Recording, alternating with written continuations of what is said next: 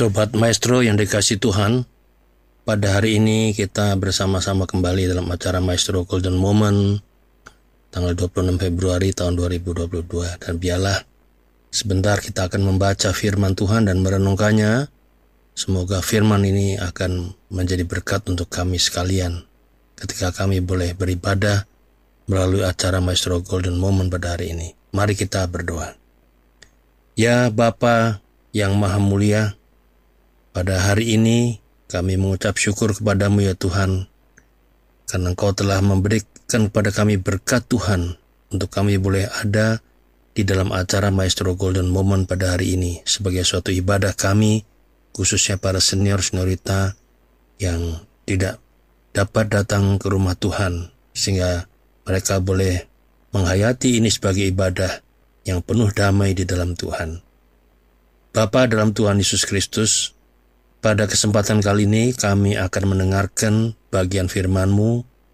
Kiranya kami dapat menjadi pendengar yang baik dari firman yang telah Tuhan ucapkan, yang Tuhan sabdakan di dalam Injil Tuhan Yesus Kristus.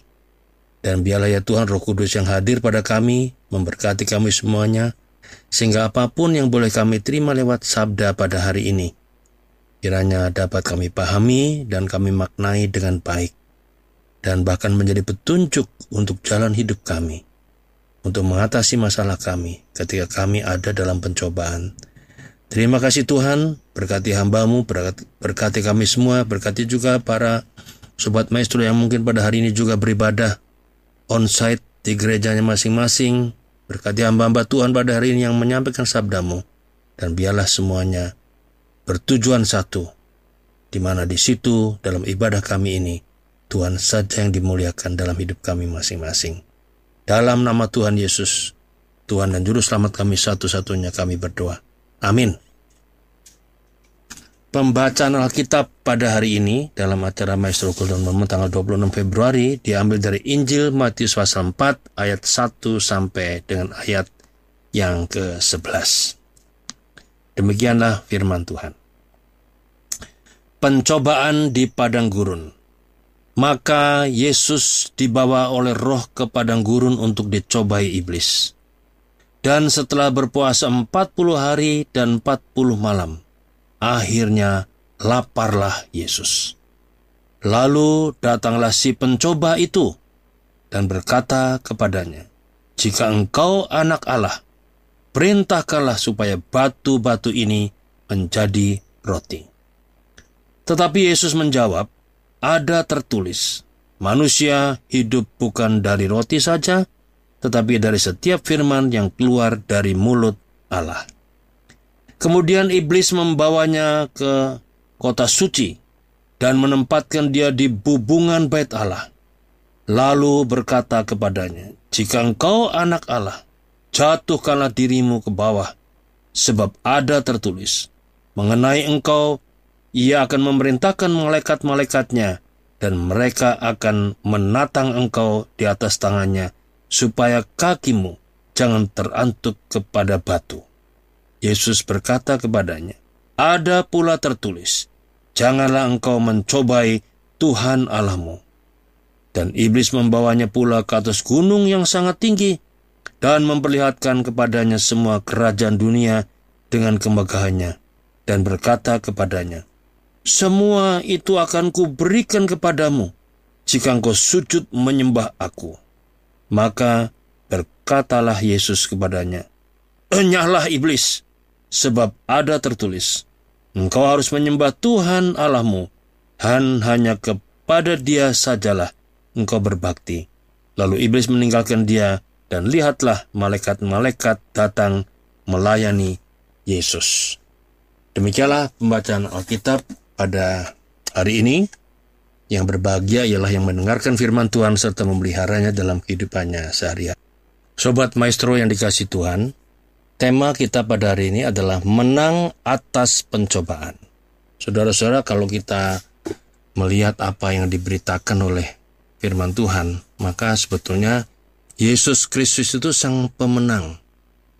Kristus itu adalah mengherankan, sangat ajaib, amazing. Mengapa saya katakan ini?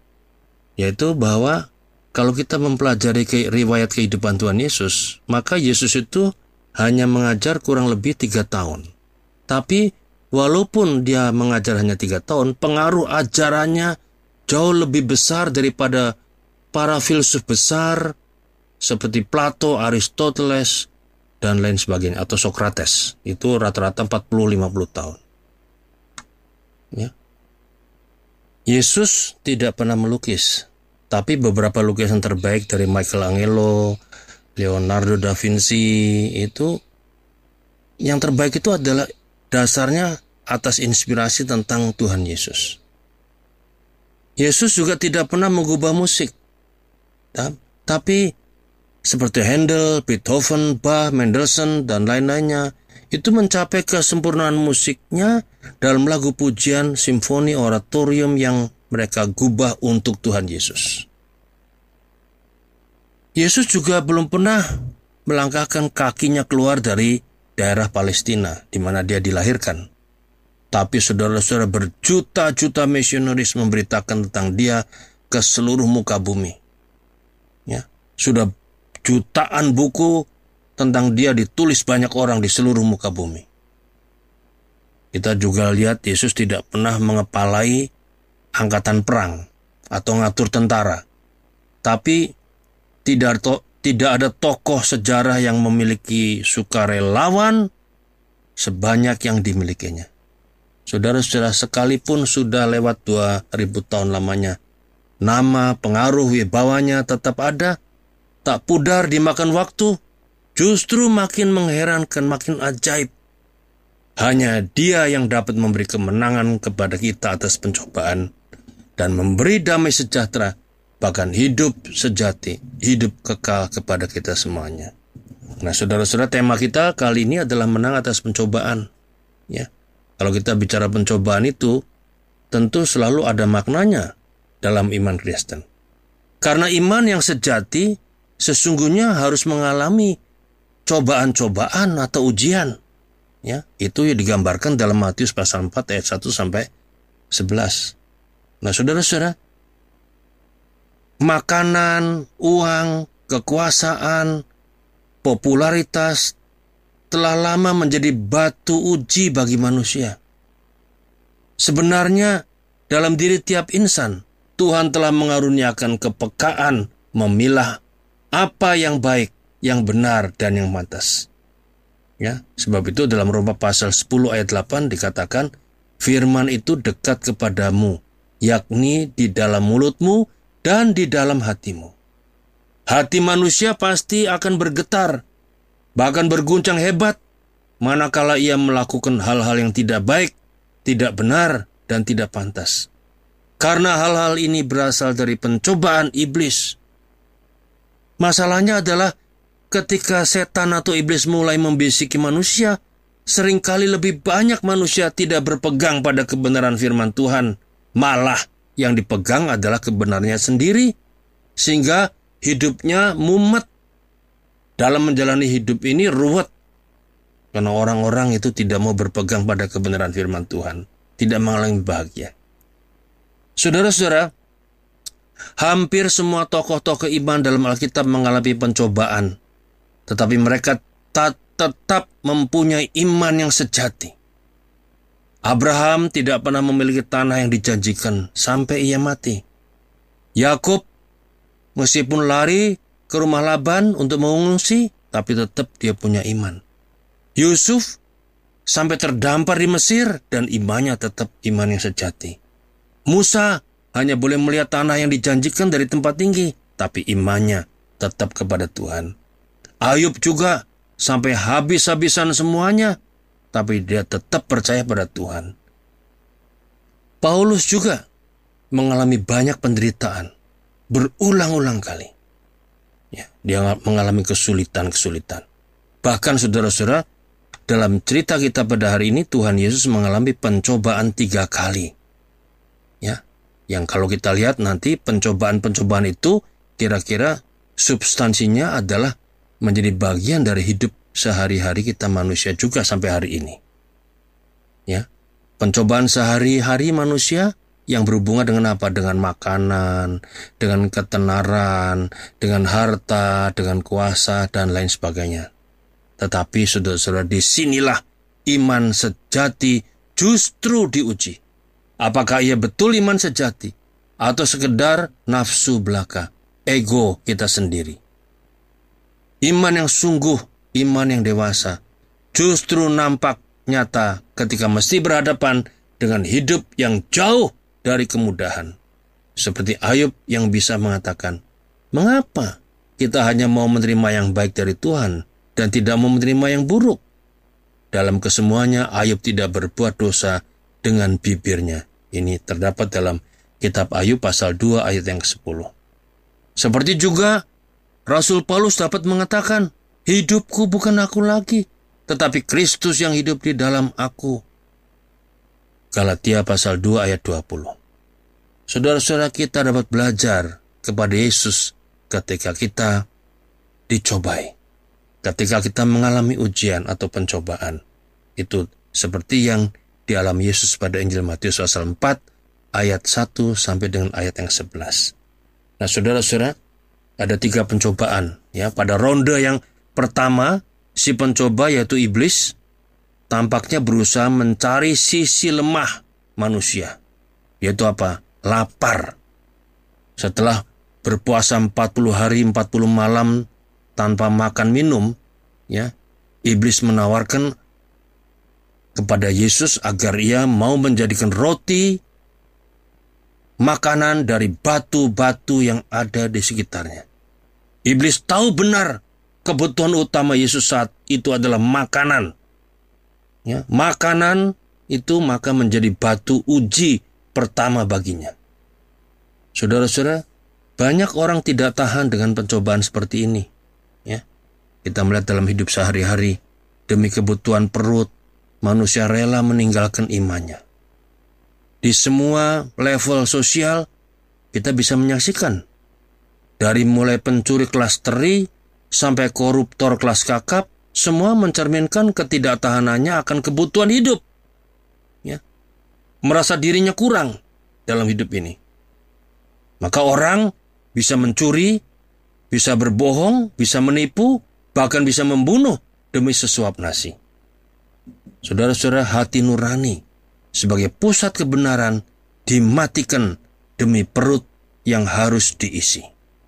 Dan Yesus menjawab dalam ayat 4 Injil Matius pasal 4. Manusia hidup bukan dari roti saja, tetapi dari firman yang keluar dari mulut Allah. Nah, di sini Yesus menang di ronde pertama. Nah, ketika iblis gagal dalam ronde pertama, lalu kemudian iblis meminta Yesus agar naik ke bubungan bait Allah di kota suci dan kemudian menjatuhkan diri. Niscaya Tuhan Yesus tidak akan binasa. Karena apa? Ada malaikat Tuhan yang menatang. Kata firman Tuhan. Di situ Yesus akan menjadi tenar, menjadi populer, menjadi hebat. Ya, bahwa dia pernah jatuh dari ketinggian bubungan bait Allah, namun Allah menyelamatkan dengan mengirimkan para malaikatnya. Saudara-saudara, mungkin ada manusia yang lewat pencobaan pertama di mana kehidupannya sudah mapan, tidak lagi cemas dengan makanan. Tetapi popularitas, ketenaran, pujian sering kali menggoda. Demi hal-hal itu, banyak orang rela melakukan tindakan amoral. Berperilaku tidak wajar, bahkan menantang kemahakuasaan Tuhan. Dalam kehidupan rohani, sering kita jumpai banyak orang menjadi sombong setelah melalui kesulitan ini dan itu. Manusia sering gagal paham seolah-olah Allah akan terus memberikan apa yang manusia ingini, termasuk menjadikan dirinya populer, tenar. Jika Allah seperti itu, saudara-saudara, maka sebenarnya Allah bukanlah Allah sebagai pemilik kekuasaan yang mutlak dan absolut. Allah bisa diatur oleh manusia. Allah seperti budak. Apakah mungkin? Tentu saja tidak. Allah tidak dapat diperlakukan seperti itu. Untuk memenangkan pencobaan yang kedua ini. Kembali Tuhan Yesus mengutip perjanjian lama. Janganlah kamu mencobai Tuhan Allahmu. Ulangan pasal 6 ayat yang ke-16. Saudara-saudara, tidak berhasil di ronde pertama dan kedua dalam pencobaan Tuhan Yesus ini. Kini babak final.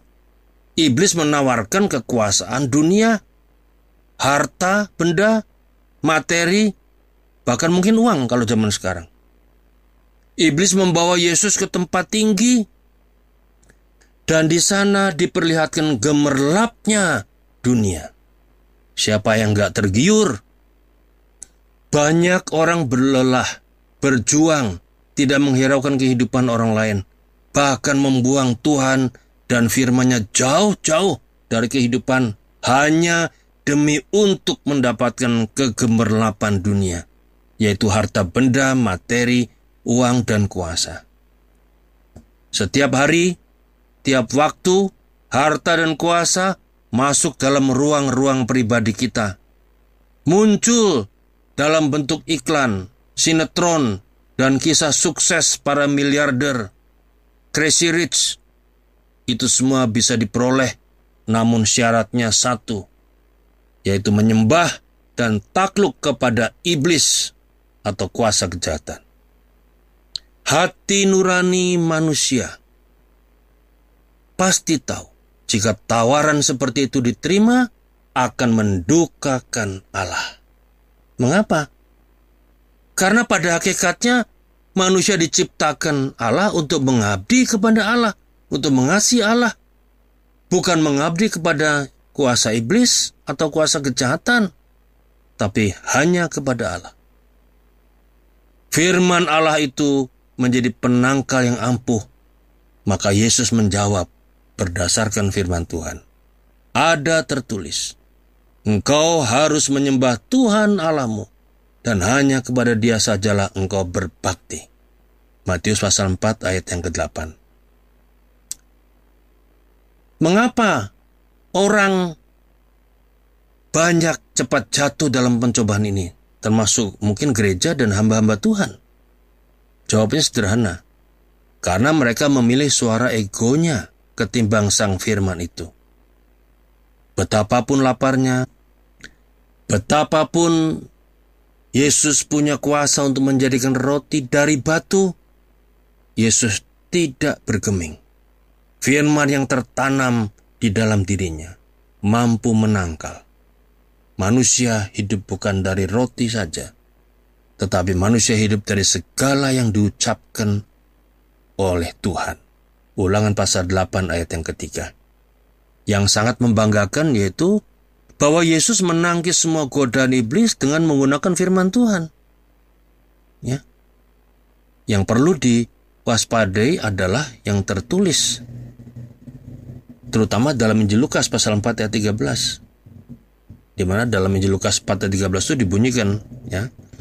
Sesudah iblis mengakhiri semua pencobaan itu, ia mundur daripadanya dan menunggu waktu yang baik. Untuk apa? Untuk kembali nanti menyerang Yesus atau anak-anak Yesus atau bahkan kita sekalian pada zaman sekarang. Mengapa firman Allah menjadi ampuh di mulut Yesus? Ya, karena dia tidak sekedar mendengar, mengucapkan, tetapi dia melakukannya firman itu dalam hidupnya sehari-hari. Seperti kata firman Tuhan, tunduklah kepada Allah dan lawanlah iblis, maka ia akan lari daripadamu. Yakobus 4 ayat yang ketujuh. Dan dengan memberlakukan firman Tuhan, kita bisa mengatasi pencobaan-pencobaan kuasa iblis. Kita bisa menang atas pencobaan iblis. Dari pengalaman Yesus dicobai, kita mendapat gambaran bahwa ternyata pencobaan itu tidak datang hanya dalam bentuk-bentuk penderitaan, bencana yang mengerikan, dan kesulitan dalam hidup ini. Ingatlah bahwa iblis yang pandai, ia tahu dan hafal firman Allah. Tidak hanya itu, tetapi juga pandai memutar balikannya untuk menjatuhkan manusia. Seperti Yesus, maka sepanjang hidup ini kita pun akan mengalami banyak pencobaan. Itu sebabnya kita menaikkan doa seperti yang diajarkan Tuhan Yesus. Dalam doa Bapa kami salah satu bagian, jangan membawa kami dalam pencobaan, tetapi lepaslah kami dari yang jahat. Meneladani Tuhan Yesus, kita berani bersikap tegas, tidak tawar-menawar, ataupun berkompromi dengan kuasa iblis. Ketika kita mengikuti kuasa iblis atau kuasa jahat kita ikuti, kita tidak akan menang. Hidup akan semakin rumit, semakin ruwet. Tidak ada cara lain untuk menang dalam menghadapi pencobaan iblis, kecuali belajar menerapkan apa yang sudah Yesus lakukan dan sudah teruji menang. Yakni apa? Yang pertama, mengandalkan dan bergantung total kepada Allah, kepada firman-Nya. Yang kedua, tidak mengenal kompromi dengan kuasa jahat, betapapun tawarannya menggiurkan. Dan yang ketiga, tidak melakukan sensasi dan memaksa Allah melakukan apa yang kita ingini. Biarlah kehendak Tuhan yang jadi. Saudara-saudara, perjuangan melawan pencobaan tidak akan berhenti selagi kita masih hidup di tengah-tengah dunia ini. Kita menang atas pencobaan bukan karena kekuatan kita, karena kalau kita tidak mungkin bisa melawan iblis, karena iblis lebih kuat dari manusia. Melainkan bersama dengan Yesus yang sudah menang. Roh Kudus akan menolong kita juga menang atas pencobaan. Saudara-saudara, masih ingat mungkin lagu sekolah minggu zaman dulu? Ya, lagu ku menang, ku menang, ku menang, ku menang bersama Tuhan Yesus, ku menang, ku menang di dalam peperangan Ku menang, ku menang atas segala setan. Haleluya, haleluya, ku menang. Itu lagu sangat indah. Kita hanya bisa menang atas pencobaan bersama Yesus yang sudah menang. Karena Pak Roh Kudus akan menolong kita. Sehingga kita menang atas pencobaan. Mari kita menjadi pemenang atas pencobaan. Hanya dengan taat memberlakukan firman Tuhan dalam kehidupan kita masing-masing. Tuhan menyertai kita sekalian.